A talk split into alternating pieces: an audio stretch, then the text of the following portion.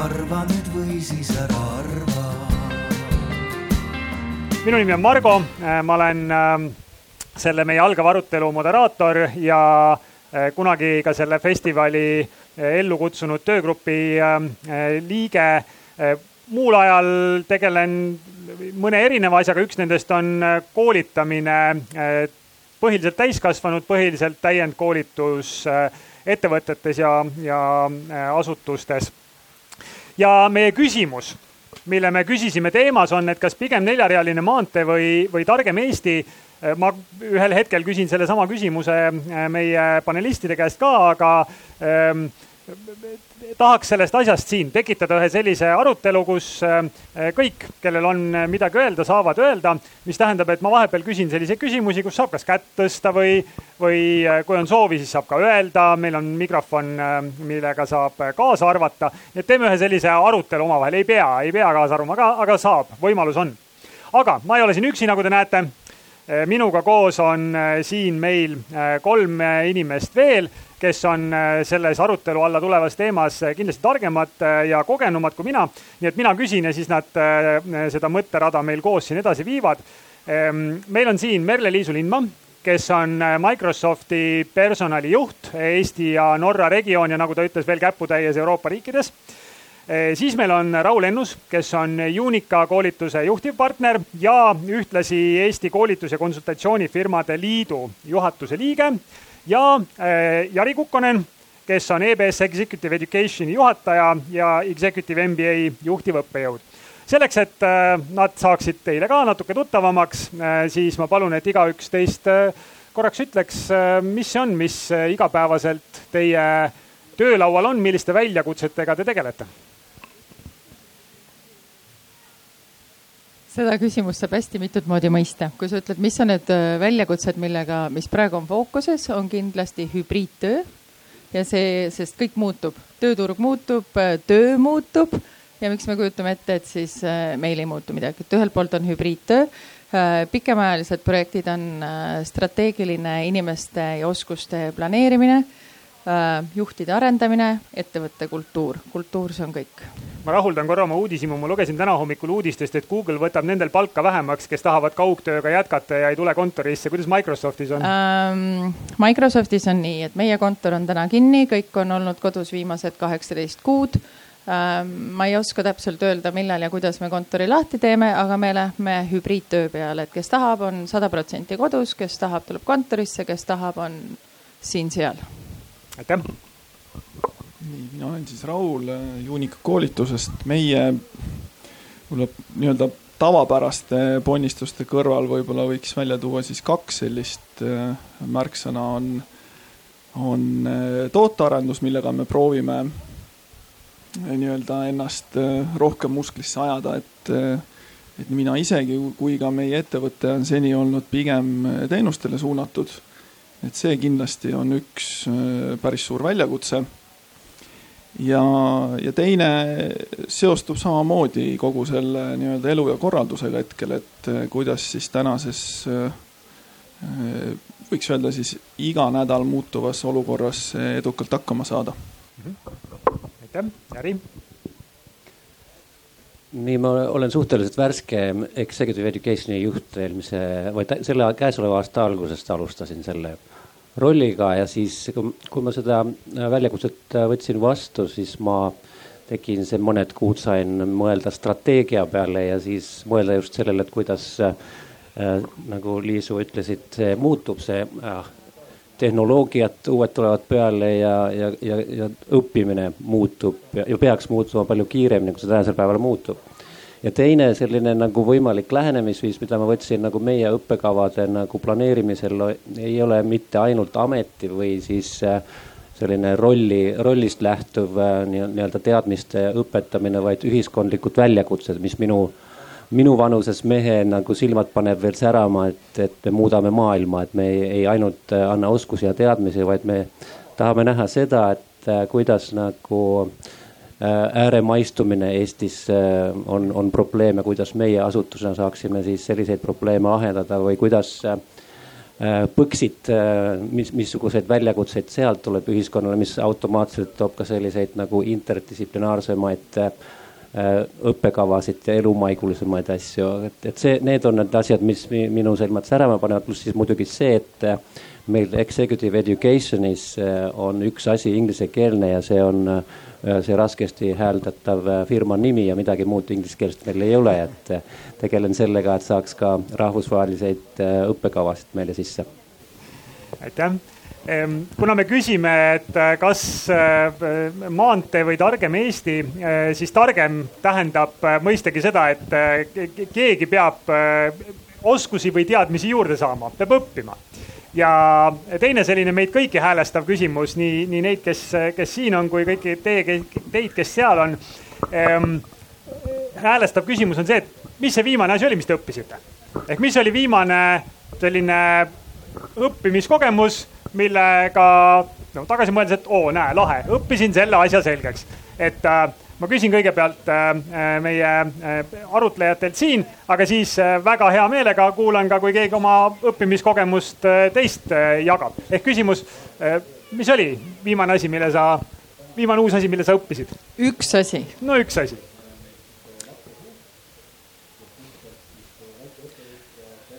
ma olen käinud koolis üle kahekümne aasta ja möödunud aastal võtsin ma Coursera kursuse, kuidas õppida ja ma kogu aeg mõtlesin, ma saan olla efektiivsem, kui ma loen kiiremini. Ja kiiremini ei ole võimalik lugeda, on võimalik lugeda pealiskaudsemalt.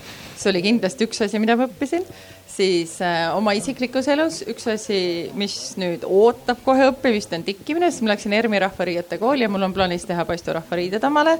Ja tikkimine sajab mul tõesti kukla higiseks juba ja siis on peoga peale tööalaseid asju, et noh, meil on kohustuslik online koolitus ja eelmisel aastal siis viimase kaheteist kuu jooksul tuli kõikidel personalipartneritel läbida circa neljakümne tunnine koolitus ja kõik see ellu rakendada. okei okay., kõlab nagu kõvasti õppimist, aitäh. kõlab, et äh, peast ei lähe pehmeks nii, ähm, ennem juba mainisin ka, et äh, võib-olla räägiks sellest siis paar sõna pikemalt et ähm, võib-olla sissejuhatus ongi see, et, kui ma ise olen üle kuskil kakskümmend aastat töötanud tehnoloogiasektoris äh, ja just nagu teenusesektoris. praegu olen, äh, olen siis haridusvaldkonnas ja, ja nüüd me proovime siis luua mm, tegelikult isegi võiks öelda kahte erinevat uut toodet, et lisaks sellele, et me pakume neid koolitusteenuseid. Äh, proovime siis ka selliseid rahvusvahelisi digitaalseid tooteid äh, välja arendada. et kogu see tootearenduse protsess, mis võib-olla noh, kõrvaltvaatajale võib tunduda, et mis seal siis ära ei ole. et tehke siis üks tarkvarajupp natuke teistmoodi kui seni, et siis äh, tegelikult see käib üpris teistmoodi. ja, ja kogu see äh, protsess, ma arvan, ongi üpris veel algusjärgus, nii et seda õppimist tuleb siin kõvasti läbikukkumisi kindlasti ka, nii et saab olema, ma arvan, väga huvitav. no minul on õnn äh, töötada siis sellisel alal, kus äh, tegelikult, et edukas olla, siin peab pidevalt õppima, et oleks midagi ka teistele õpetada, aga, aga minu enda jaoks väga huvitav asi, mille ma võtsin ette, uudne asi oli see, et ma mõtlesin, et ma õpin ühe keele ära äpiga ja siis ma võtsin Duolingo ette ja täna hommikul sai seitsesada kakskümmend kolm päeva portugali keelt, nii et eh, bom dia kuidas siis tunne on? äge.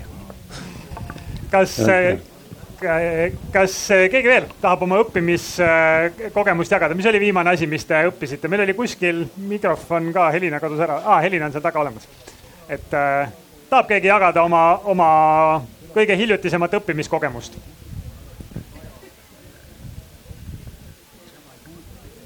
kas keegi ei õpi midagi või keegi ei äh, julge oma õpitust rääkida, mis tähendab, et huvitav, mida te küll õpite, mida te ei julge jagada?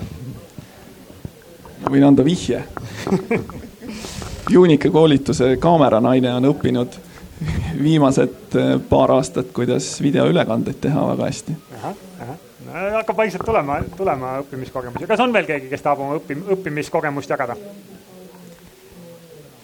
Helina, mis sa õppisid viimati? kas kuule. nüüd töötab? neljapaadil sõudmist sa ei tulnud õppima, aga ei, aga järgmise nädala teisipäeval tuleb golfi algkursus. selge. ma õppisin suppima. no vot. Aga mõnes mõttes sellel, sellel teemal me tegelikult ju rääkida tahame, et äh, millised on need äh, no nagu olukorrad, mis meid ümberringi, sealhulgas tööalased olukorrad, mis meid ümberringi panevad sellesse olukorda, et on vaja õppida ja kuidas me siis saaks Eestis ägedalt õppida. ja, ja kelle, kelle asi see on, et me saaksime ägedalt äh, õppida, aga üks selline kiire selline pildi manamine siia, mida ma usun, kõikidele tuleb tuttav pilt ette. pilt on see, et alustad äh, noh, ma ei tea, lasteaiast, kes käib, siis käid äh, koolis. siis lähed pärast kooli ülikooli, ülikooli ajal teed äh, firma või lähed pärast ülikooli tööle kuhugi, siis ehitad oma karjääri võib-olla ühel hetkel tuleb mõte, et peaks äh, saama veel mõne kraadi äh, või äh, õppima midagi muud juurde. Merle-Liisu ütles, et kakskümmend aastat, eks on kogu aeg õppinud, et äh, siis võib-olla lähed korra veel, eks ülikooli äh, ja, ja me teame, kuidas see rada käib. ja me oleme Eestis seda rada käinud ise, me oleme riigina seda rada arendanud. me oleme teinud oma koole paremaks, koolimaju paremaks, ülikoole paremaks. aga mu küsimus on, et kas sellelt pildilt on täna midagi puudu, arvestades, et me kogu aeg igal pool räägime sellest, kui palju me täiskasvanud inimestena peame õppima, sest kõik muutub ümberringi nii kiiresti ja hirmsasti on vaja õppida. kas see pilt, mis ma kirjeldasin, kas see täna rahuldab meid või meil on siit midagi olulist puudu? et me täiskasvanutena saaksime õppida nii, nagu meilt nõutakse või nagu keskkond meilt nõuab. ole hea, Jari, ja, ja ma alustan siis väga suurelt. no esiteks muidugi võib öelda, et ega me ei tea, kas sealt pildilt midagi puudu on. Et see on see kõige hämaram lugu kogu selle asja juures.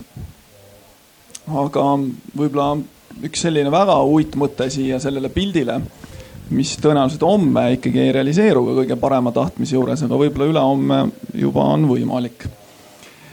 kui ma siia sõitsin täna, siis eh, kogemata mängis äh, raadios Vikerraadio ja seal oli Toomas Sildami saade, vist Eesti kolmkümmend või midagi sellist, et kolmkümmend aastat Eestit. stuudios olid äh, äkki Jüri Raidla ja keegi oli veel, praegu olen unustanud.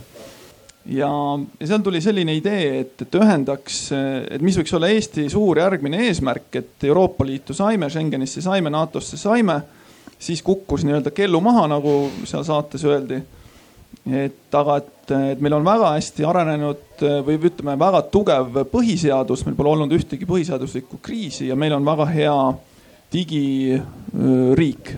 noh, veel nii-öelda viimaseid päevi võiks öelda, et tõenäoliselt varsti mõni teine riik läheb mööda, eks ole, kui midagi ei, ette ei võeta. et ühendaks need ja kui nüüd mõelda, tuua paralleel siia, et äh, meil mõnes mõttes on, on üpris hea haridussüsteem, kui me arvame, et need imelised PISA testi tulemused ütlevad meile seda. ja meil on endiselt, eks ole, see digivõimekus, siis äh, võiks ju öelda, et, et suur selline äh, unistus või, või ul-, ulmeline unistus oleks äh, iga inimese nagu tervet tema elu, ütleme siis sünnist kuni, kuni surmani äh, toetav selline virtuaalne mentor oleks võib-olla kõige õigem öelda. selline, no mis iganes, mis iganes intellektil, tehisintellektil või mitte tehisintellektil põhinev, eks ole, virtuaalne abimees, kes siis käib sinuga kaasas ja aitab sind alguses, kuidas mähkmest vabaneda, hiljem, kuidas äh, abiratastest vabaneda hiljem, kuidas võib-olla ülikoolis paremini õppida, hiljem, kuidas oma karjääri planeerida, kuidas muutunud elukeskkonnaga hakkama saada, mis iganes. et noh, kui nüüd üks väga selline suur unistus siia nagu laduda, siis see võiks olla midagi sellist. Autoriõiguste huvides pean ära ütlema, et see ei ole minu enda üksikuna välja mõeldud idee, vaid on pärit ühest koolitus- ja konsultatsioonifirmade liidu seminarilt, kus me selle koos ühes väikeses grupis välja mõtlesime. aga aga hea on see selle juures, et see ei ole, nagu ma ütlesin ennem, see ei ole enam ülehomne päev. et see võib olla tegelikult homne päev, et sellist asja hakata arendama. aga ma arvan, et, et tulla tagasi Margo küsimuse juurde. Tehnoloogia alati on mingisuguse päris protsessi vari et, et ma arvan, et Margo võib-olla pigem pidas silmas seda, et mingi midagi muud, mis on nagu rohkem päris, mida me tegelikult küll ei näe, aga tegelikult on ta rohkem päris kui mõni tehisintellekt. et midagi muud sellist on puudu, et võib-olla annaks selles osas siin mõnele teisele sõna. ega ma, ma, ma arvan, et sa tegelikult said nagu väga hästi pihta selles mõttes, et, et midagi sellist, mida sa kirjeldasid, no kui ma endale ette üritasin kujutada sinu kirjeldamise ajal, siis mulle tuli silma ette, et noh, mul on siin tahvlis elab siis see mentor, kes aeg-ajalt sellise äh, Microsofti paperclip'ina, eks ole, hüppab ülesse ja siis äh, ütleb mulle, et Margo, sa peaksid kaaluma jaapani keele õppimist ilmtingimata Microsofti paperclip'ina esimesena tuli see kuvand, aga. ei tea, miks. aga, aga et, et see, see, seda meil tegelikult täna ju ei ole, eks päriselt füüsilises maailmas, et mitte keegi ei käi minuga äh, kogu elutee kaasas äh, sellest, kes, kes mind õppijana kuidagi nagu ma ei tea, aitaks või toetaks, et, et igas mingis astmes tekib keegi, aga, aga midagi, mis oleks nagu pidevalt minuga kaasas, et see on, see on tegelikult täitsa nagu see selgelt üks asi, mis sellelt maastikult võib puudu olla. Jari hakkas juba. ja ma võib-olla jätkan sellest äh, Rauli jutust sellisel moel, et, äh, et mis nagu puudu on äh,. mulle tundub, et puudu ei ole midagi, aga, aga see vaatenurk on iganenud väga,, väga-väga iganenud ehk see tuleneb sellisest valgustuse ja tööstusrevolutsiooni ajast, see meie mudel, kus me nagu Äh, jagame teadmisi ja oskuseid inimestele, meil on spetsifitseerunud asutused, kes seda teevad. Äh, hoolimata sellest, meil on ka internet on leiutatud, olen kuulnud hiljuti selline asi. no teadmised on igal pool, aga me ikkagi nagu jätkame seda sellist masstootmise nagu ähm, metafoori või sellise nagu paradigmaga, kus nagu ma võin tuua näite nagu oma, oma poja nagu huvidest. Äh, meil on vist aega, et ma võin paar minutit kasutada selleks, et et, et kui, kui tema oli väga väike poiss, no nüüd ta on kahekümne kolme aastane juba, aga siis, kui ta oli alla kooleealine, siis ta oli väga huvitatud dinosaurustest. ja mina õppisin väga palju dinosaurustest just temalt. Äh, viie-kuueaastaselt poisilt, ta rääkis mulle, missugused nendest on omnivoorid, millised on karnivoorid ja, ja millised on herbivoorid. Ja ma suu ammuli kuulasin, et mis asja, et kust ta selliseid sõnu on õppinud, et ja, ja, ja siis äh, asi on nagu selles, et, et ja siis ta küsis ka minu, minu, ma mäletan seda väga hästi, et kuule, ta proovis nagu saada allallikatest ka lisainformatsiooni, ta oli nagu svamm, kes tahtis teada hirmsasti dinosaurustest ja küsis siis minu käest, et äh, kuule issi, kui sa olid äh, väike poiss ja käisid koolis, kas siis veel oli dinosauruseid? ja siis ma ütlesin, et ja ma olen päris vana, aga mitte päris nii vana ei ole ka, et oleks viimaseid dinosauruseid õnnestunud näha aga mis ma selle jutuga tahan nagu öelda, on see, et, et nagu me, me selle asemel, et me nagu paneme tootmispartiid selle järgi kokku, et kui vana on inimene. et ahaa, ta on seitseaastane, siis me hakkame selliste õppekavadega pihta ja, ja siis kammime neid nii kaua, et need õppekavad on nagu, nende õppeväljundid on nagu tõestatavasti olemas siis või mõned muidugi fail ivad ka seal. aga me ei kasuta ära seda, et tegelikult no suur osa teadmisi nagu need herbivoorid ja karnivoorid nagu tulevad nagu kuskilt mujalt kui õppeasutustest ja, ja väga hästi võiks nagu kasutada ära sellist äh, individuaalsete õppeteekondade nagu lähenemist, et inimesed äh, võiksidki valmida nagu dinosaurusteaduste no vähemalt magistriks siis kolmeteistaastaselt ja väga hästi võiks kümneaastastele sel juhul õpetada juba raadioisotoopi meetodit, kuidas siis äh, orgaanilise aine no vanust näiteks määrata, kuna see huvi on nii tohutu mm. -hmm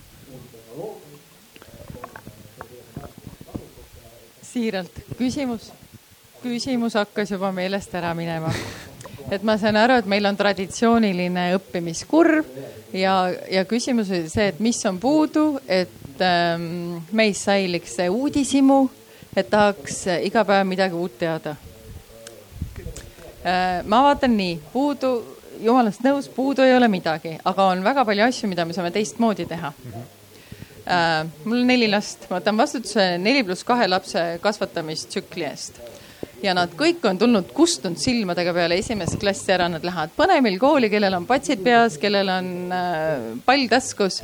Ja nad tahavad kooli minna. Ja selle esimese klassi lõpuks on see, et igav. enamik tuleb ära ja ütleb igav ja mida klass edasi, seda hullemaks läheb ja siis sa pead motiveerima ja ütlema, et haridus annab valikuvabaduse. kas me õpime õpetajale, kas me õpetame, et äh, millises ainetunnis me õpetame oma lapsele mm, uudishimu millises ainetunnis antakse väärtusi, millises ainetunnis öeldakse, et sa õpid iseendale, kogu aeg, seal võib olla kas ema on kuri või sa saad kolme või kahe või ühe või oh häda, siis on suguvõsas probleem onju. et kust tuleb see eluterve suhtumine, et lilla lumememm on okei okay,, eriti arvestades, et kümme protsenti inimesi ei näe värve nii nagu üle, ülejäänud üheksakümmend protsenti. et kus on meil nagu see paindlikkus teha neid asju ja kes ütles, et kõike seda, mida me teeme, on õige. mis ma tahan öelda, on see, et äh, kui me suudaks tekitada keskkonna ja alustada tuleb igalühel ikka iseendast, olla uudishimulik, toetada teiste õppimist, olla heatahtlik, aktsepteerida enda vigu ja teiste vigu, see ongi normaalne osa õppimisest, kui ei kuku, ei õpi. aga, aga see on mulle väga tore, et sa läksid sellesse õpimotivatsiooni teemasse Nii.. Jari ütles ka, et väike laps on nagu švamm ja siis sa ütlesid, et pärast esimest klassi on juba nagu silmadest kustunud. ja Nii. miks suur inimene ei ole nagu švamm No- ma arvan, et väga suur osa inimesi on nagu švammid. aga mingil elu käib ju etapi kaupa. toon näite, toon selle peale selle näite, norrakad. rääkis mulle minu business partner, et tema tänaval elavad kaheksakümne aastane abielupaar, mees on õppejõud Oslo ülikoolis ja naine lõpetas just, on ka õppejõud Oslo ülikoolis, aga samas lõpetas bakakraadi itaalia keeles, oli kursuse parim. ja teine asi, kaheksakümmend olid. ja, ja, ja et eh, noh, et vanus on, vanus on minu arust lihtsalt number, et me peaks nagu esiteks selle ära unustama. teine asi on nagu see, et selle peale näide seal samal ajal enam-vähem ja mõistatus publikule võiks olla, kui me võtame kõik Eesti naised, mis on keskmine vanus? statistikaamet pani oma kodulehele sellel kevadel, jube äge leht, lugege no, pakkuge. nelikümmend neli pakuti sealt, kui ma kuulsin õigesti. no kes veel pakub? ma viiskümmend. Eva-Lotta ei loe, ta on minu tütar ja me arutasime seda kodus pikalt. keskmine vanus on nelikümmend neli koma neli ja sel umbes ja siis võtab riigitöötaja sõna ja ütleb, et üle neljakümne aastased inimesed ei ole õpivõimelised. vast me tegeleme oma suhtumisega, et kas me, et noh, vanus ja õpivõimekus ei ole seotud õpitahe ja õpivõimekus on juba kaks erinevat asja ja kui me seda nagu koolis sisse ei süsti, seda õpitahet ja uudishimu, siis äh, ongi natuke keeruline pärast hiljem öelda, et kuule, käitu nüüd täitsa teisiti. Võib-olla korra veel enne, kui Margo siin juba kappab edasi. et äh, võib-olla üks repliik veel vahele mm, mõnes mõttes võib-olla täienduseks või tähendab igas mõttes täienduseks siis Harile, aga, aga võib-olla natukene veel avada. et kui me nüüd mõtleme jah sellele või noh, siit tuli nüüd välja see, et see protsess kuidagi hakkab juba nagu halvasti pihta, eks ole, või noh, vähemalt veidike halvasti, et esimese aastaga justkui see huvi kaob ära. eks see üldjuhul ju mm, vähemalt pikaajalise nii-öelda disainimise peale protsessid eh, lähevad paika ikkagi selle järgi, mida lõpuks on vaja ja kogu see nii-öelda eilne maailm ju noh, ongi selle tööstusrevolutsiooni järgne maailm või, või, või, või noh, mõnes mõttes ka ennem seda, aga noh, ühesõnaga oli mingisugune jah produkt, eks ole, mis oli vaja tehase uksest nagu sisse saata. ja, ja selle järgi siis mõeldi välja noh, mõnes mõttes, eks ole, või disainiti see kogu see eelnev õppimise protsess. ja, ja, ja kui nüüd jah, tuua siia juurde see, seesama teema, et, et täna ma võin olla juba produktiivne noh, näiteks programmeerija, eks ole, kolmeteistaastaselt. ja, ja vastupidi, ma võin minna ka ülikooli, eks ole, kaheksakümne viie aastaselt. et siis noh, me peamegi võtma nagu selle uue noh, võtta tuleks nagu see uus lõppsihtpunkt, eks ole, et mis ei saa enam olla see, et, et ajateljel või vanuseteljel Y lükatakse mind sisse mingisugusest asutusest, kus ma pean hakkama midagi produtseerima. vaid eh, sisuliselt noh, kui me nüüd kuidagi proovime seda noh, visuaal, visualiseerida ilma tahvli ja pliiatsita, siis pigem ma ütleks, on mingisugune mull, kuhu meid lükatakse võib-olla sisse siis, kui me oleme kolmeaastased ja siis me seal mullis teeme nagu erinevaid asju liigume noh, sellises Browni liikumises ja siis vot selle tegemise käigus me või ennem mingit tegevust me võiks siis õppida mingisuguseid teadmisi ja oskusi. et noh, ma arvan, et, et kui meil ennem oli jah, siin see Margo kuvas meile selle elukaare, siis, siis noh, nüüd on vähemalt õppimise mõistes peaks olema sihuke elumull aga ma tahaks korra, korra ikkagi siin, siin ähm, mind siiralt huvitab, ma tahaks korra, korra siin, siin kraadida, ma, ma teeks ühe sihukese kolmese skaala, et äh, skaala äh, üks on äh, see, et äh, mulle, ma, ma hirmsasti tahan õppida, et mul tegelikult kogu aeg on nagu iga päev on umbes tunne, et ma tahaks midagi, midagi jälle nagu uut äh, õppida, omandada äh,. skaala kaks on selline, et no võib ju ka et noh, et ma ei ole üldse nagu õppimise suhtes kuidagi vastumeelne, aga, aga no mind sihukest nagu kihku ka ei ole.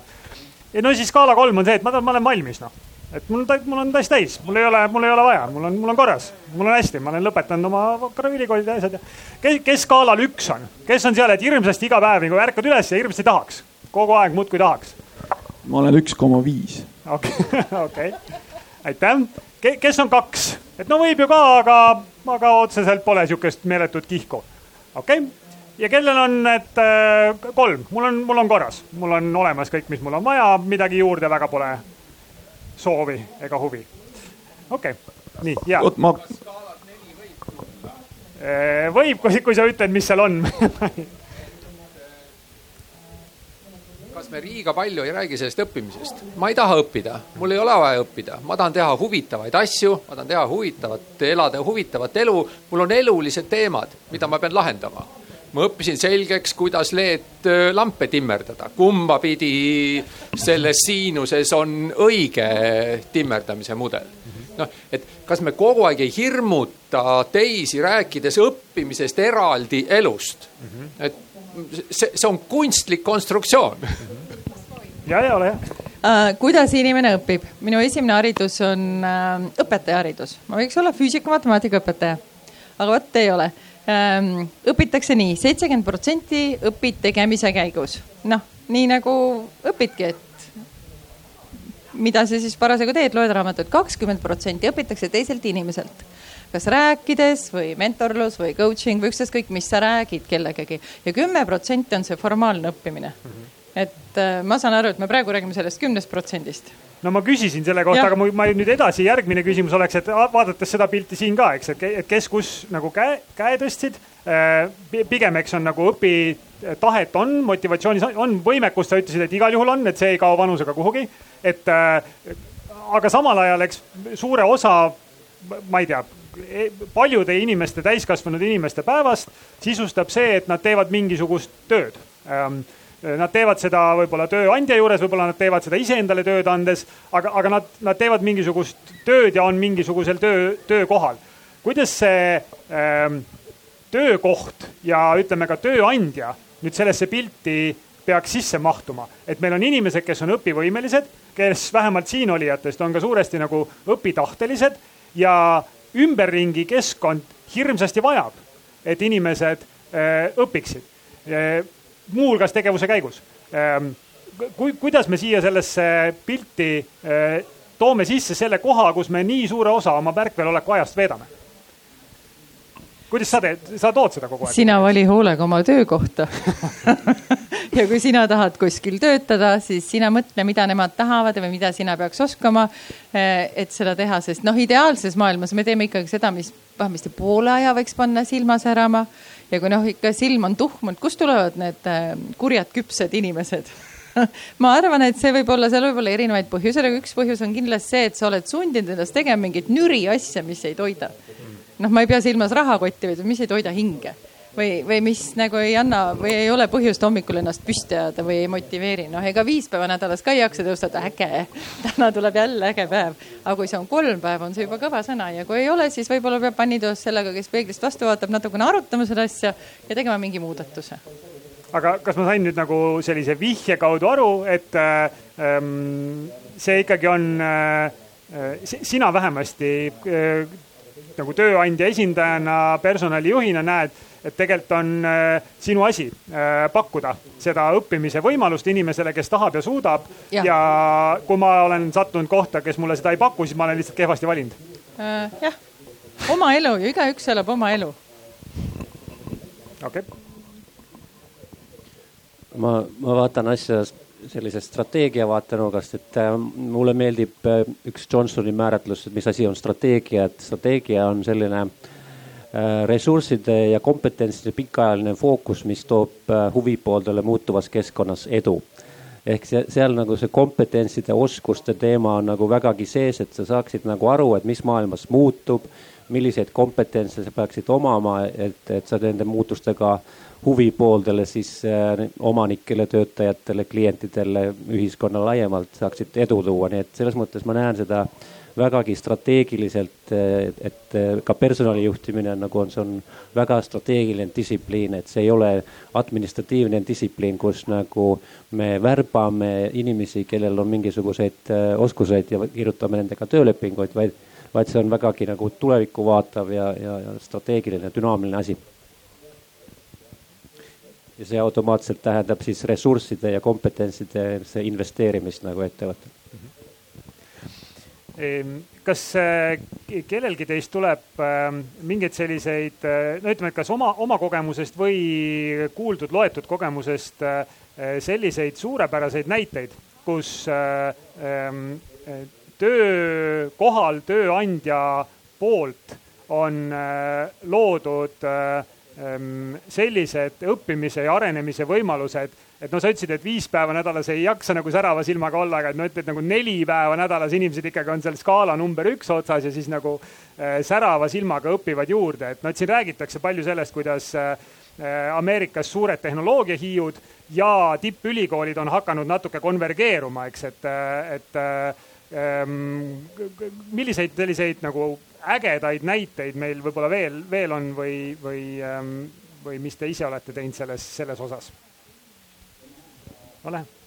ma võiksin tuua näite nagu, kui nagu me vägagi sellisest harilikust valdkonnast nagu toiduainetööstus.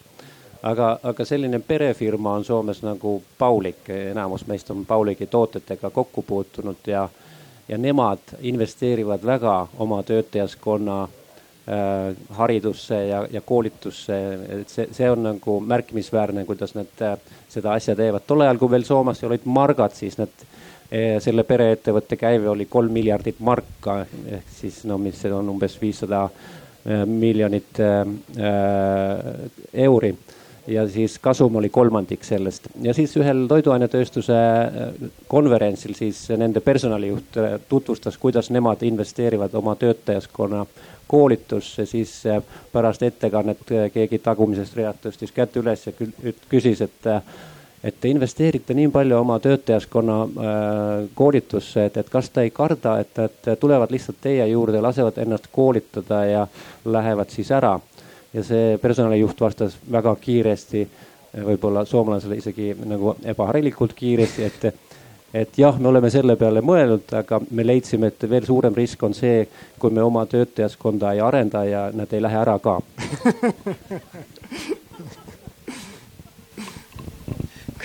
see on tavaliselt kõige suurem ähm, hirm jah. aga ma võin rääkida, kuidas meie majas on.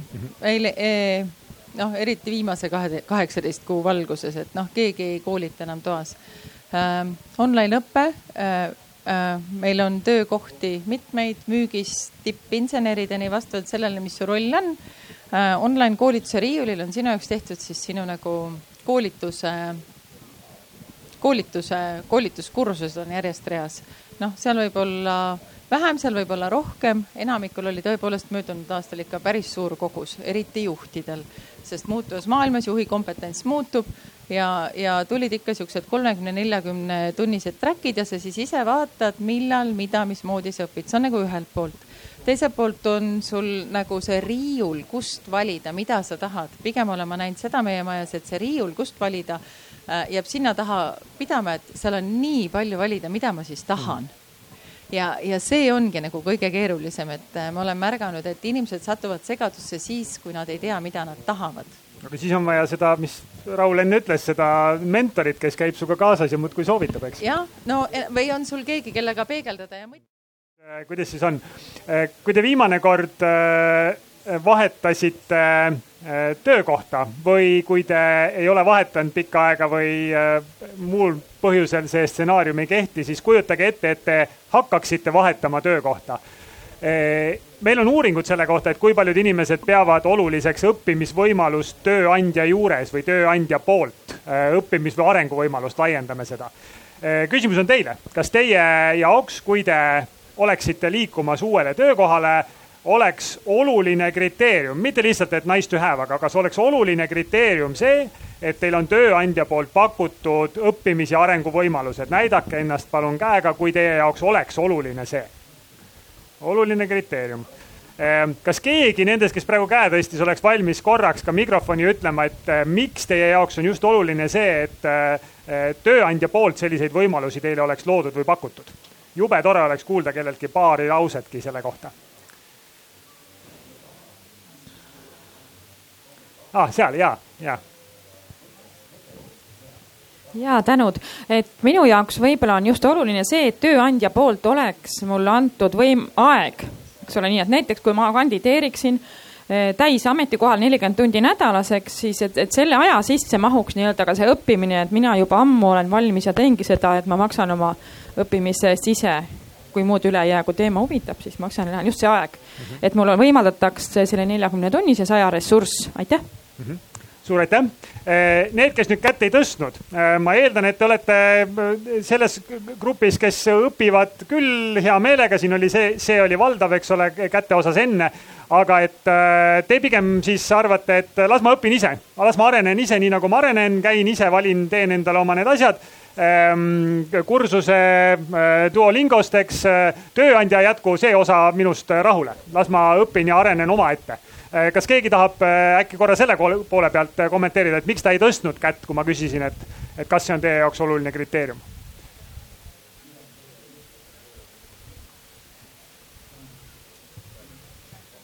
ma pigem mõtlesin seda, et siis, kui ma seda tööintervjuul peaksin mainima, et minu jaoks see on oluline kriteerium, siis võib-olla tööandja arvab, et aa, ta tahab kasutada seda ettevõtet ainult hüppelauana hmm. või siis, et oleks selle võrra raskem leida seda tööd, et ma ei oleks nii-öelda ei jääks kauaks sinna, et vaid ma tahan kogu aeg edasi, edasi areneda ja võin paari aasta pärast minema minna mm. -hmm. korra veel, aitäh. aitäh, äh, ma kommenteerin sinna tööandjana juurde, et äh, Petses koolitus, äh, IT-alased koolitused ja olles olnud nagu tööandja positsioonis juba mitmeid aastaid, siis viimase paari aasta jooksul ma arvan, et mul ei ole mitte ühtegi töövestlust olnud, kus inimene ei oleks küsinud, kas ma saan käia Petses koolituse koolitustel et äh, see ja see on väga tore mm, -hmm. see on, see on nagu minu vaatest väga tore, et mm -hmm. aga, aga see on selgelt olnud äh, muutuv trend okay.. et äh, vanasti seda ei kohanud kunagi mm. -hmm. aitäh. aitäh. keegi veel, kes tahab oma valikut kommenteerida, hetkel mitte, aga. kas ma võin ühe kommentaari siia öelda ja siis vist Jaril oli ka midagi öelda. ja mul on sulle üks küsimus ka. et siis sul on kohe kaks asja öelda aga üks äh, ühi, lühike kommentaar, et, äh, et paraku ei jää muud üle. et see tööandja peab midagi tegema, sest äh, noh, tulles jälle näiteks nüüd sellesama globaalse tehnoloogiafirma juurde tagasi, siis paraku on nii, et et kui on olnud soov uusi asju, uusi metoodikaid inimestele õpetada või, ja neid ka siis hiljem töö juures juurutada, siis isegi need tublid, kes on väga suured fännid ja midagi ise ära lugenud, siis see rakendamise pool eh, väga lihtsalt ikkagi ei tule. sest seal tuleb see mugavustsooni ja hirmude ja kõik, kõik muud need müürid tulevad nii suurelt ette et, et selles osas mm, noh, isegi võiks öelda, üks minu kõige markantsem näide on üks minu enda hea sõber, kes on kümme aastat rääkinud ühest metoodikast, aga pole kunagi julgenud seda katsetada. ja nüüd ta lihtsalt ühes projektis oli sunnitud seda tegema. ja no, ja noh, tegelikult on ta muidugi rahul, eks ole, sest seni ta ju sai olla ainult teoreetik, igal pool öelda, et nojah, siin me teeme seda jälle ju valesti aga mul oli küsimus Jarile, seda võib vastata ka hiljem, kui sa tunned, et see ei ole praegu see koht või kui Margo hakkab kätega vehkima, et see tõesti ei ole see koht. et, et kui hüpata korra nagu sellisest töö juures õppimisest, lihtsalt mul see seostus Soome teemadega, et Jari, kas see on kuidagi niimoodi, et, et Soomes saab võtta vaba aasta ja õpp, terve aasta õppida? oskad sa seda osa kuidagi kommenteerida? Kuidagi riik toetab sellist asja? ja see sabati aasta tegemine on nagu mingisugune riigi poolt rahastatud asi, aga ma ei ole selle pealt kursis, et kui palju seda kasutatakse, et, et äh, see on päris selline suur, suur investeering äh, ka selle poolt, kes nagu põhimõtteliselt saab midagi tasuta, aga siiski, siiski ta peab nagu näitama, et ta on midagi selle aja jooksul õppinud aga mida ma tahtsin siin, mida sa väga tähelepanelikult panid tähele, et ma peaaegu tahtsin midagi öelda, oli, oli selline Eh, jätkuküsimus teile, et kui te eh, tõstsite kätt, et, eh, et oluline on see õppimine tööandja juures, siis kui, kui paljud teist peab oluliseks õpetamist töö juures? No mõned käed ikka tõusid püsti, et ma mitte, aga mitte, mitte nii suur kätemeri aga, aga võib-olla see oli üllatav küsimus natukene, aga mina arvan, et, et see on üks selline äh, asi, mis näiteks on juhi üks põhikompetentsi, et ta suudab õpetada.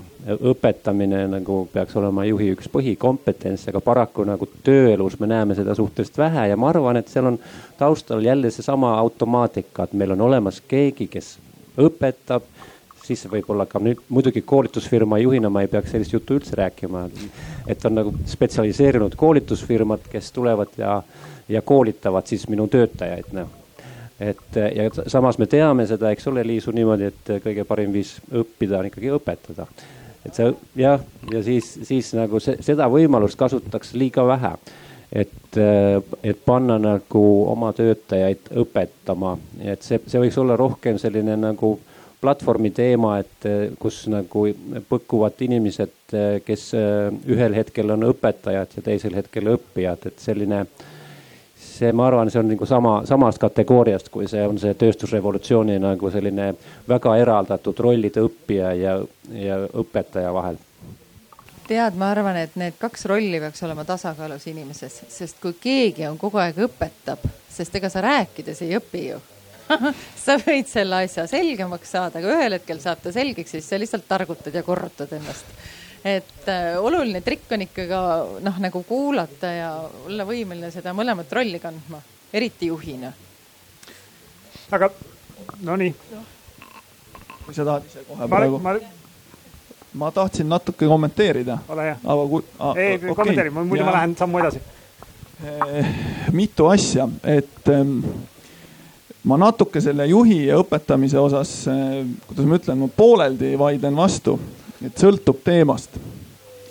Eh, mina kindlasti täna oma ettevõttes ei oska, ma arvan, üheksakümmend protsenti asjadest oma inimestele õpetada, sest selleks on, on teised targemad inimesed. Et ma ütleks pigem niimoodi, et, et jah, juht peab oskama teatud asju õpetada, nõus aga spetsialist, kes on juba nii-öelda noh, kas ta, ta ei pea olema alati ka tippspetsialist, aga ta peab olema lihtsalt hea spetsialist, et tema rolli üks osa on ikkagi see, et ta peab suutma oma teadmisi edasi andma. et see on kindlasti väga oluline. seostub näiteks ka selle näitega, mis sa tõid, see how to, eks ole, noh, meil näiteks oli Tech Nation Talks kaks korda kuus, kui ma ühes tehnoloogiaettevõttes töötasin mis oli väga populaarne, täpselt selline sari, kus siis meie enda maja spetsialistid tulid ja jagasid teadmisi, aga ka õppisid äh, esinema ja jagama ja õpetama, et see oli nagu ka väga oluline selline motivatsioonipakett nende end, nende endi inimeste jaoks. oli ülimalt äh, populaarne, loodan, et see toimib siiamaani.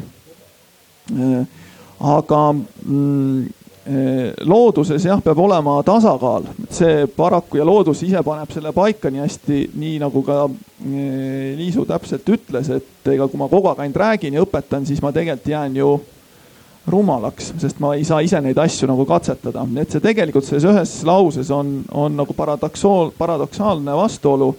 Et ise õpetades saad asja selgeks ja kui sa siis veel edasi õpetad, siis jälle tegelikult oled amatöör. nii et aga mis on täiesti okei okay aga ma läheks äh, hea meelega siit ühe, ühe sammu veel kaugemale, sest meil on päris mitu nagu head teadmist tekkinud, meil on tekkinud teadmine, et äh, vähemalt täna siin laval, aga uuringute järgi ka tegelikult ikkagi palju laiemalt. Äh, inimesed soovivad õppida. Ja päris paljud neist, järjest rohkemad neist eeldavad või ootavad, et seda õppimist ja arenemist saaks teha ka tööandja juures, töökohal, seal, kus nii palju oma ärkveloleku ajast veedetakse. meil teiselt poolt on rida näiteid selle kohta, kuidas siis tööandjad saavad seda õppimist luua Äh, nii äh, väljast sisse ostetud äh, vahenditega kui, mis siin viimati jutuks oli, eks ole, sisemist ressurssi ära kasutades, ise oma inimesi ka õpetama suunates. aga meie küsimus, eks, mille, mille me täna alguses siis püstitasime, oli, et kas neljarealine maantee või targem Eesti, mis viitab sellele, et sellel nagu Eesti kui ühiskonna või Eesti kui riigi tasandil on justkui valikukoht või vähemalt nagu näiline valikukoht või võib-olla midagi, eh, kus meile tundub, et me paneme nagu riigina liiga palju raha betooni ja asfaldisse ja liiga vähe sellesse, et inimesed saaksid õppida, areneda ja tööandjad saaksid neile seda õppimise ja arenemise võimalust äh, pakkuda.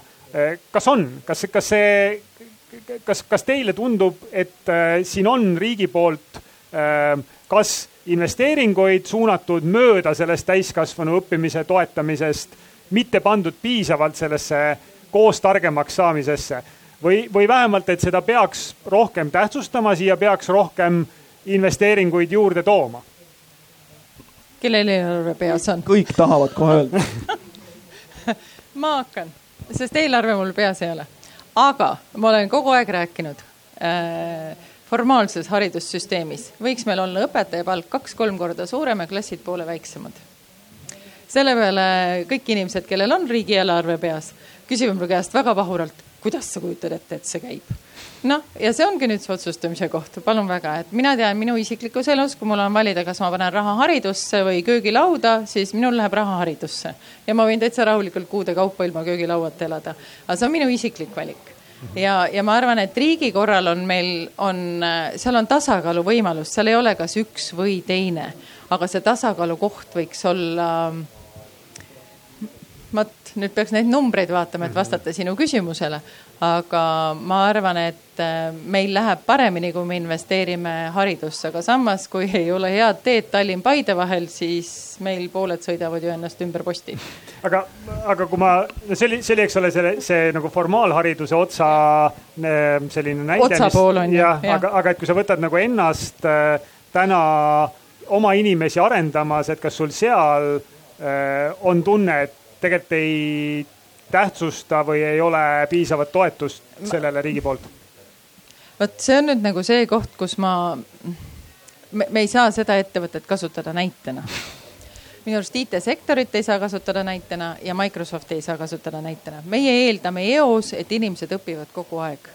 turg muutub, kõik muutub, aga kõik inimesed ei jaksa ja ei taha õppida. Ja elus on erinevaid etappe, kus aga ei saa õppida, võib-olla kui lapsed on väiksed, siis sa pead kuidagi teistmoodi seda tegema äh, või jagama iseennast ära.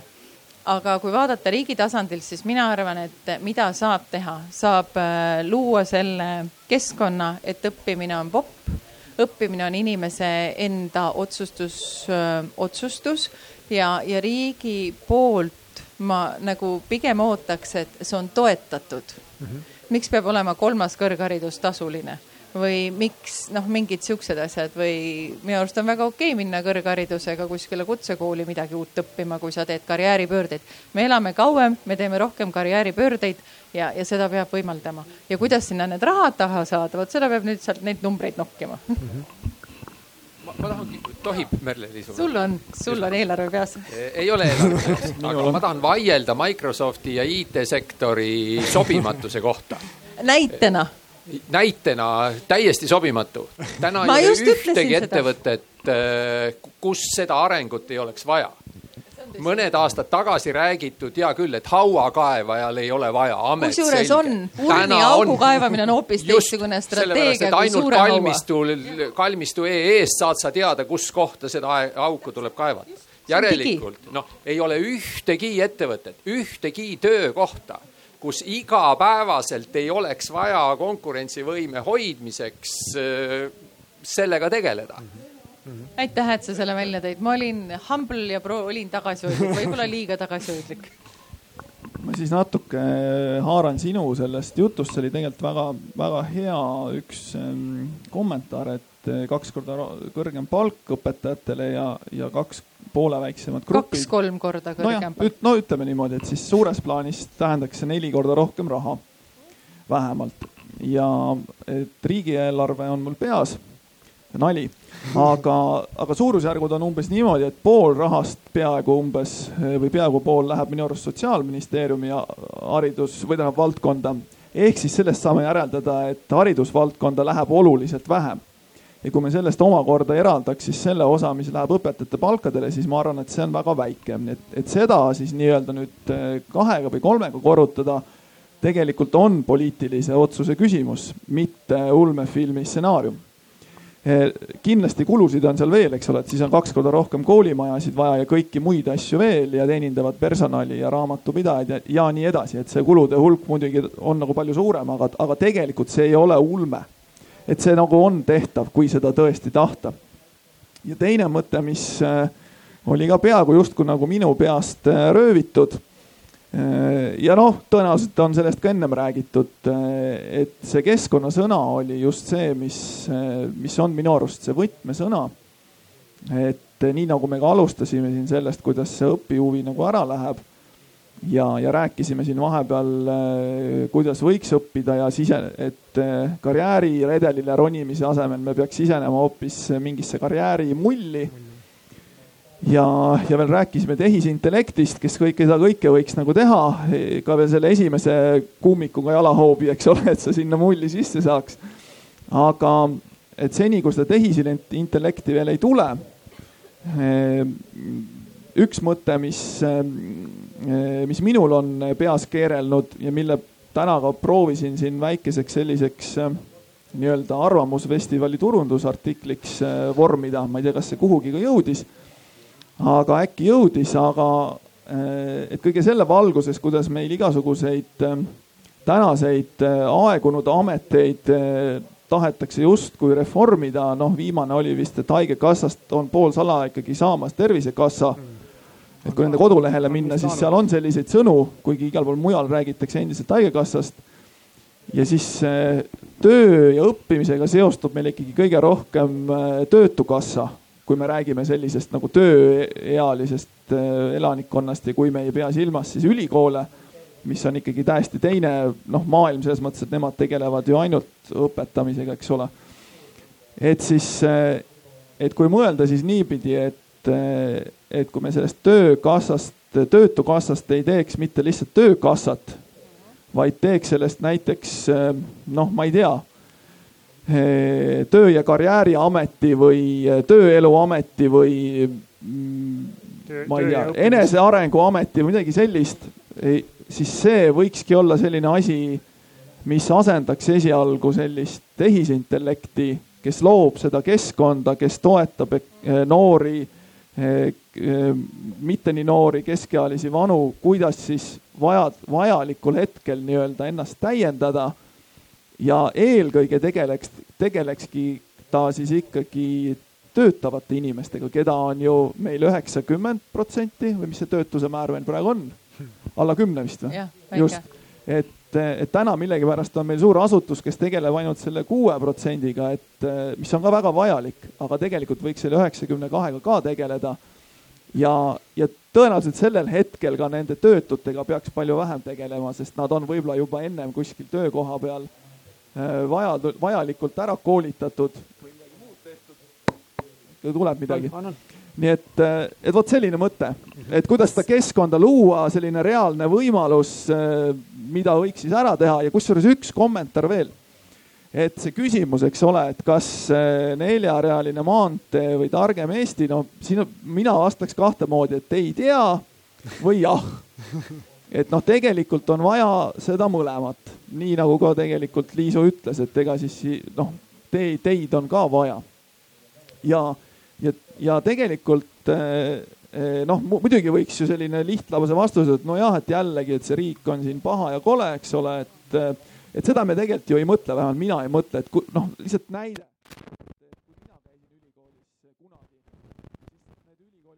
olnud kõik väga toredad ja, ja noh, näiteks kui täna kõndida TalTechi kampuse vahel, siis noh, vägisi tuleb tunne peale, et tegelikult tahaks nagu homme siia kooli tulla Jari, kas sa oskad äh, äkki natukene veel Soomega võrrelda ka, et, et anda meile seda perspektiivi juurde, et kas me riigina saame kuidagi teha rohkem või liigutada prioriteete? ja ma, ma arvan, et ma võiks nagu natukene nagu väga hästi lühidalt, et, et esiteks ma arvan, et riik ei peaks sekkuma ettevõtete koolituste toetamise kindlasti mitte, et see, sellest tuleb ainult pudru ja kapsas sellest asjast, et et loob ebavõrdsust ja, ja hirmsasti bürokraatiat ja ma arvan, et riigi roll võiks olla nagu toetada siis teadust rohkem ehk, ehk uute teadmiste tekket.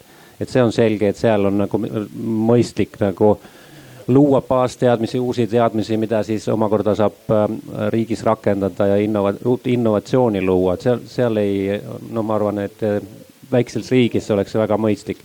ja siis äh, mis nagu puudutab rahvusvahelist äh, nagu sellist näidet, siis mulle meeldis äh,, Rauli jutust ka tuli see meelde, et Maltal nägi nagu sellist äh, koostööst nagu haridus- ja tööministeerium, et ma arvan ka, et see, et see töö, tööasi ei ole nagu sotsiaalne probleem ka Eestis, vaid see on rohkem hariduse probleem, on rohkem läbi põimunud, et ka selline nagu ümberstruktureerimine võib-olla nagu paneks äh, asju teistmoodi mõtlema jah, selle lihtsalt väike kommentaar, et eh, jah, muidugi nõus, riik ei peaks toetama neid valdkondi, kus turg toimib. et see läbib kõiki valdkondi, mitte ainult siis eh, koolituste valdkonda. Eh, no ja, ja noh, teine teada teema on ka see, et, et noh, baas, baasteadused on üks teema, aga kuidas jõuda sealt reaalsuseni, et noh, see täna, ma isegi ütleks sulle, et see on Eestis täna võib-olla natuke suurem probleem isegi, see vahepealne osa aga siin äh, korraks oli, oli äh, Raul, sa ütlesid, eks, et, et jalutad TalTechi kampuses ringi, vaatad, et majad on äh, ilusaks uhkeks läinud, tahaks ka. isegi muru on ilus tahaks ka, ka siin olla ehm,. aga no infrastruktuuri investeeringute nagu põhjus, miks neid, üks põhjus, miks neid tehakse, on see, et sinna on lihtne suuri summasid raha korraga panna. Äh, olgu ta siis neljarealine maantee või, või äh, hariduse, hariduse, formaalhariduse andmiseks mõeldud hooned no sa natukene nagu jõudsid, ähm, Raul, oma, oma selle idee kirjelduses juba sinna, et kui me üheksakümne protsendiga töötavast või tööealisest elanikkonnast äh, tegeleksime nende õppimisega või nende arenguga, siis see võib-olla juba ongi nagu miljardi idee.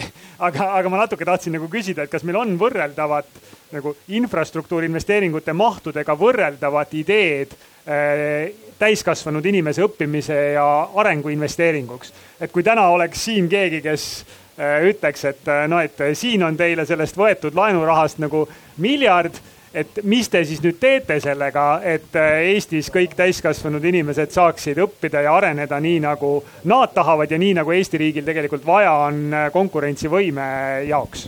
Paneme raha põlema kas sa mõtled eh, nagu täna juba töös olevat välja käidud ideed või mingit uut ideed? Eh, no emba-kumba ma ei tea, et oleks töös mõni selline idee, aga võib-olla on. mõni töötav, täiesti, see on, see on nüüd see kõvasti mõtlemine või valju häälega mõtlemine tuleb nüüd, et äh, praktiline äh,. algatuseks võiks olla kõigil äh, see Eesti, meie kodu Eesti võiks olla ühtlaselt hea võrguga kaetud.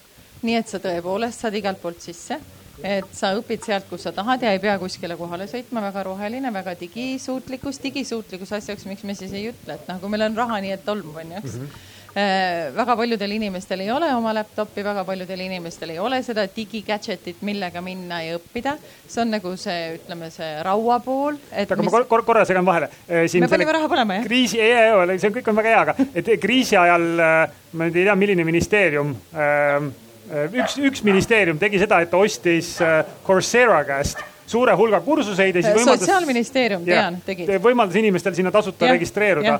sa tegelikult ütled, et sellele õppimisviisile ei olnud paljudel juurdepääsu tänu sellele, et. ma tahan öelda, seal on ka keeletakistus okay.. ära äh,, meil on noh, inimestel on erinevas okay. keeles nagu, kes on väga vaba eesti vene keeles, kes on väga vaba eesti inglise keeles, kes on väga vaba inglise vene keeles, meil on noh, hästi palju keelepoolikuid ju mm. -hmm. ja, ja mõelda siis selle peale, et kui me oleme selle raudvara nagu pannud, et paneme siis selle, miks meil ei ole oma Courserat, palun väga, siin Eestis või miks me siis, kui me juba ostame selle Access'i, miks me siis ei pane sinna tõlkeid alla või noh, midagi nagu selle poole, et ma, ma arvan, et noh, et digilahendus on ikkagi see, mis toidab, et ma teen seda igalt poolt, kus ma tahan, olenemata ja järjest rohkem inimesi läheb nagu digilahenduse poole, et digisuutlikkus, digikompetents ja siis ja siis palun, palun loome selle riiuli, kus saab seda raamatut valida jah, kusjuures ma oleks esimese asjana öelnud umbes midagi sarnast.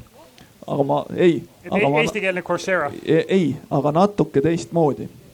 Et ähm, hiljuti just üks äh,, mäletagi, kes see oli, Kanal kaks või keegi küsis mu käest mingisugust äh, tulevikukool või midagi sellist. ja, ja siis me arutlesime seal sellel teemal ja, ja no kõik mäletavad, eks ole, et kui oli see koduõpe, siis käis äh, noh, ikka kõva sõim, eks ole, et, et lapsed ikkagi jäävad rumalaks ja saavad paugud, noh, mis iganes, eks ole. Ja osaliselt ongi see õige ja, ja no ja siis justkui võiksid ju järeldada, et ega see noh, see e-kool on ikka paha et seda ei ole vaja. et äh, aga ma arvan, et siin on see teema, et, äh, et noh, ega sellise noh, kui te võtate näiteks noh, ma ei tea, auto aastast tuhat üheksasada viis, siis ta nagu oligi, ma arvan, üpris ebameeldiv asi, millega sõita, ta läkski kogu aeg katki ja külm oli ja haises ja kõik nii edasi, eks ole. aga täna ma arvan, keegi ei kahtle selles, et, et osta suvaline auto uuena sõidab tegelikult väga hästi, eks ole, jõuab punktist A punkti B et ma arvan, täna see e-kool on ka meil lihtsalt noh, selles aastast tuhat üheksasada viis, eks ole, et nii-öelda vändaga nii-öelda tuleb kruvida ja siis läheb pirn põlema. et vot see võiks olla ka Eesti, kui me mõtleme siin see, et ühendada Eesti ja haridus, eks ole, siis et miks see võiks olla meil siis see riiklik projekt lisaks sellele Courserale. et teeme siis ühe ülihea e-kooli mis, mis on tõesti nii hea, mida, mida meie enda lapsed kõik tahavad kasutada ja õpetajad tahavad kasutada, mida võib-olla saab ka eksportida, aga see eksport ei ole nii oluline.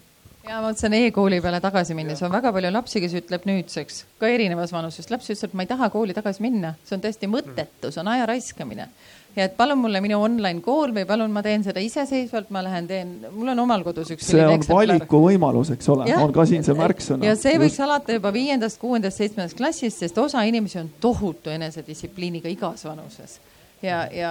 ja õpivad kolm korda kiiremini. ja miks me ei teinud, palun väga matemaatika, Eesti Ekspress tegi matemaatika õppimise võimaluse gümnasistidele, et meil võiks olla igases vanuses alustama reaalainetest, mida meil on väga vaja ja kindlasti suudaks kamba peale mingi toreda asja ära teha mm. -hmm no ma arvan, et äh, Marko, mis sa ütlesid, et äh, meil napib ideid, et selles on asi, et tegelikult see ei ole nii selget kohta, kuhu see need miljardid tuleks panna ja, ja ma, ma leian, et, et kindlasti nagu sellesse vanasse süsteemi nagu ei ole mõtet lihtsalt raha lüüa ja loota, et sealt midagi paremat välja tuleks ja niikaua, kui me oleme tõesti selle tööstusrevolutsiooni nagu paradigmaga teeme koolitusi, siis eh, mingit väga nagu sellist eh, kahekümne esimese sajandi asja ei, ei teki. me peame aru saama sellest, et, eh, et see maailm muutub, no see on nii klišee, et see muutub nii, nii kiireneva tempoga, aga minu meelest nagu see on nagu kihvt asi, et on selliseid, äh, selliseid uusi asju nagu, mida võiks õppida hästi mitmekesisel moel, kus nagu koolidel võib-olla on mingid roll,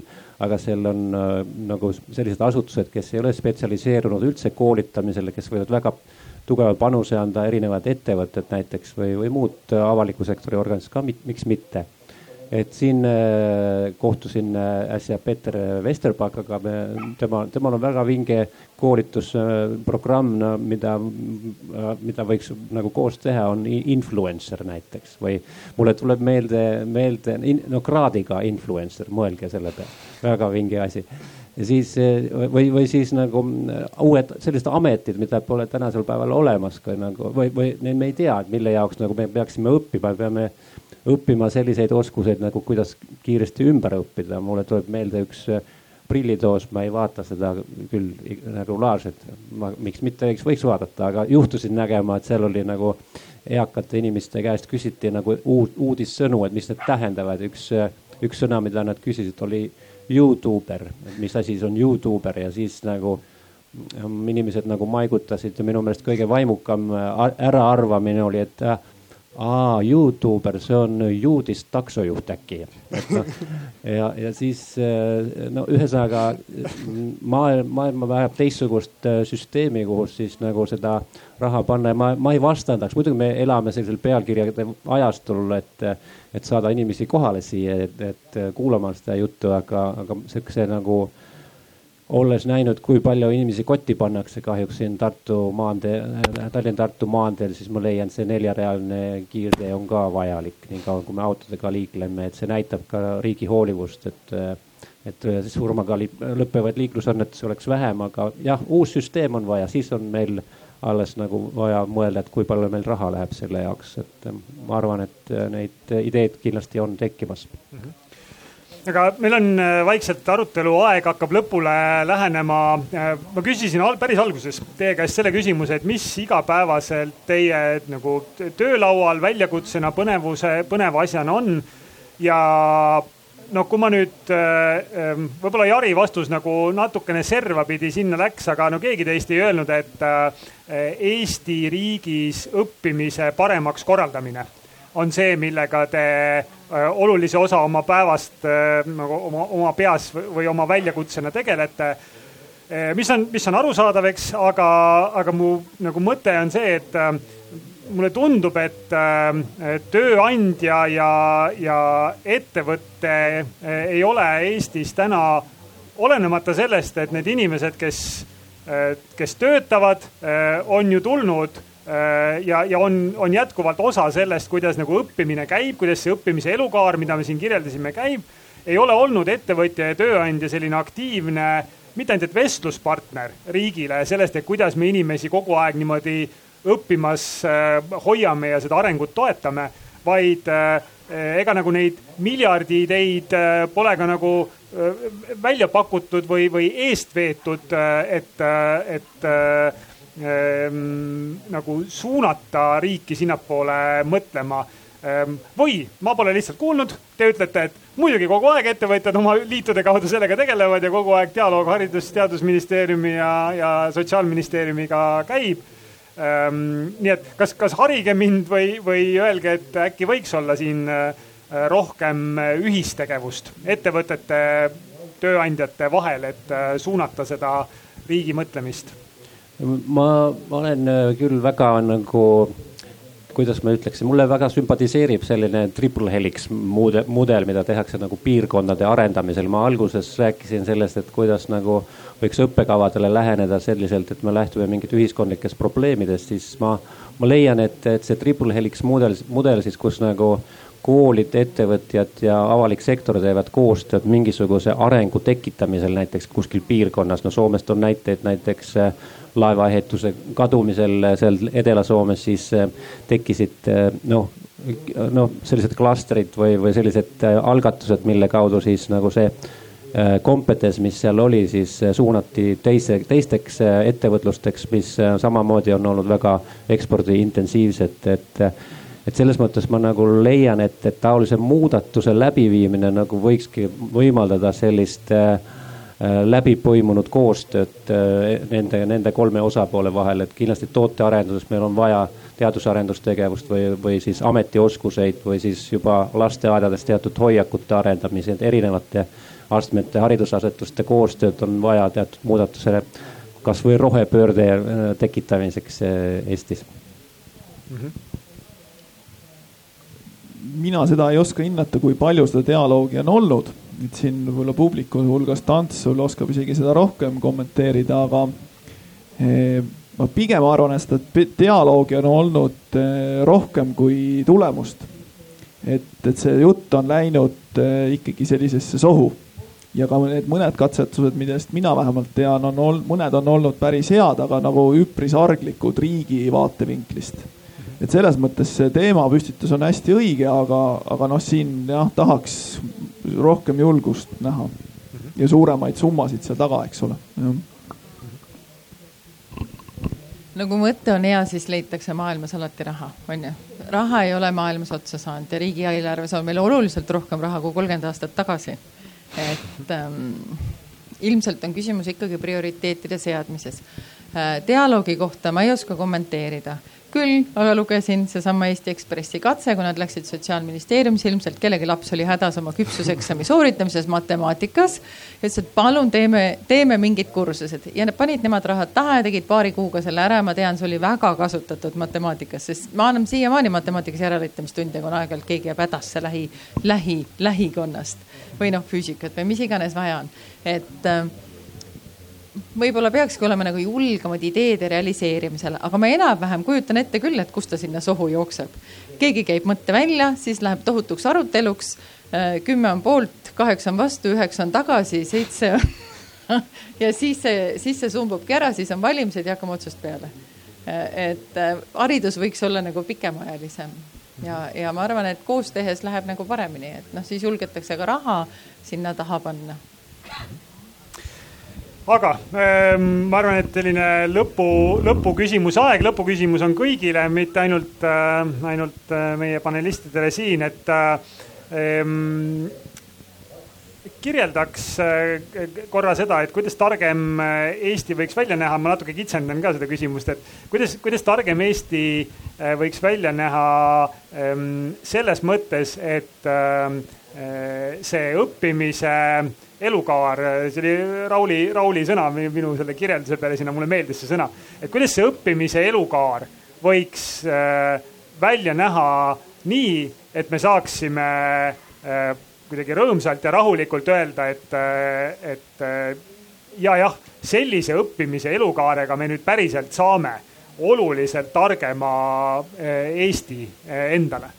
et mismoodi see mis ma siin alguses kirjeldasin, milliseks see võiks nagu muutuda või kujuneda, et meil siin selliseid visiooni äh, ideid ja lõike on olnud, aga et kui teda niimoodi kokku võtta, et, et milline see, see õppimise elukaar võiks välja näha? lõpptulemus on, õppimine õppimise pärast ei ole ka ju mõttekas, et äh, äh, kui sa nagu seda küsimust formuleerisid, siis minul lõi nagu pilti, õppimine on ikkagi mingi eesmärgiga, et ma tahan midagi tehtud saada või ei taha. ja kui me räägime täiskasvanute õppimisest ja elukestvast õppimisest ja uudishimust, siis ma jõuan tagasi ikka sinna kohta, et ähm, äh, see näeb välja nii, et igal täiskasvanud inimesel on just see töö, mida ta tahab teha ja mis paneb tema hinge helisema ja toob raha lauale ja siis selle tööandja juures, kes aitab tal areneda. absoluutselt. okei okay,, aitäh. no ma siin tooks siis ühe või võib-olla siis nii-öelda metatasandi juurde. kui seda niimoodi nimetada, et, et kui ma ise mõtlen eh, enda kogemuse peale erinevates eh, tasemeõppe astmetes ja, eh, ja ülikoolides olen kolmes üli, erinevas ülikoolis õppinud, et mingi võrdlusmoment on ja kahes erinevas siis äh, põhikoolis ja eraldi gümnaasiumis, et viies erinevas asutuses. et minu jaoks kõige suurem äh, võib-olla selline puudujääk oligi see, et, et just äh, kuidas õpetatakse mõtlema. ja minu arust see, mis mind, mind, võib-olla see tuleb totaalselt minu teadmatusest, aga mis mind kõige rohkem närvi ajab meie haridussüsteemi puhul on see, et, et seda osa kogu aeg nühitakse iga aasta välja et, et pigem liigume nagu ainult selle teadmiste suunas, aga mitte või noh, mälu, mälutreeningu suunas liigub minu arust meie haridussüsteem, mitte nagu mõtlemisvõime suunas. nii et vot, kui selle saaks nagu tagasi keerata ja veel nagu paremaks, siis see võiks olla üks osa. ja, ja noh, siia tegelikult haagib ka see, mis Harri ütles, eks ole, et kuidas õppida õppima või ümber õppima, noh, see tegelikult on hästi seotud selle teema, sama teemaga. et, et see kindlasti on oluline ja, ja mis tuli vist Liisu jutust, see paindlikkus siit välja, eks ole, et, et me saaks ikkagi valida, et kas ma siis täna õpin äh, kodus või, või koolis ja mida ma õpin ja millal, et kui seda paindlikkust ka saaks juurde keerata äh, siin isegi võiks ju lennutada ideid, et, et ka teatavatel tingimustel võiks isegi sellist nagu noh, tööseadusandlust muuta, et, et kas kolmeteistaastaselt ei võiks siis natuke tööd teha programmeerijana või millegi muuna, noh justkui täna ka võib, aga, aga ühesõnaga, et see on tegelikult lai teema, jah. ma, ma arvan, et see on selline hoiaku teema, et kuidas me suhtume üldse nagu sellisesse asja nagu õppimine, et, et seda nagu, see võiks alata seestpoolt ja, ja sellise oma nii-öelda tähenduse leidmise kaudu, et ma noh, Daniel Pingil on see Liikuma panev jõud raamat, kus ta on võtnud kokku äh, inimest motiveerivaid tegureid, leides neid erinevates uuringutes siis kolm, et need on vabadus, areng ja tähenduslikkus ehk selle tähend-, isikliku missiooni ülesleidmine ja, ja sedakaudu noh, mulle väga sümpatiseerib Jaapani ikigai eh, no lähenemine, et sul on, sa oled milleski hea, sul on teatud eh, nii-öelda eeldused millekski heast saada, sa õpid seda juurde, annad selle kaudu kellelegi midagi, mis on vaja. Ja sa samas seda tehes armas-, armastad kõike seda, mida sa teed iga, iga hetk ja siis sa suudad ka selle kaudu leiba teenida, et see harmoonia võiks sedapidi tekkida, aga see on hoiaku küsimus ja algab iga inimese seest ja kindlasti lasteaedadest. Võib-olla see hakkab sealt pihta ja peredest, nii et et ma arvan, et see ei ole nagu riigi ülesanne enam siis tagantjärgi mingisugust copy paste asja teha. me peame alustama sealt, kus me tänasel päeval oleme, nii et äh, see on, ma arvan, selline teema mm. -hmm aitäh. kas keegi, kes on äh, meie arutelu siin poolteist tundi kuulanud, äh, tahab äh, siia kas mõne sellise komponendi veel juurde panna või terviklikuna oma vaatest kirjeldada, et milline targem Eesti, kus see õppimise elukaar meid kogu aeg saadab, et milline see välja näeb? või midagi, millele me oleme täielikult unustanud kogu selle jutu käigus tähelepanu pöörata ja te olete istunud seal ja, ja see on kripeldanud, et miks te ometi ei räägi vot sellest asjast, mis puudutab sellist inimese pidevat arengut.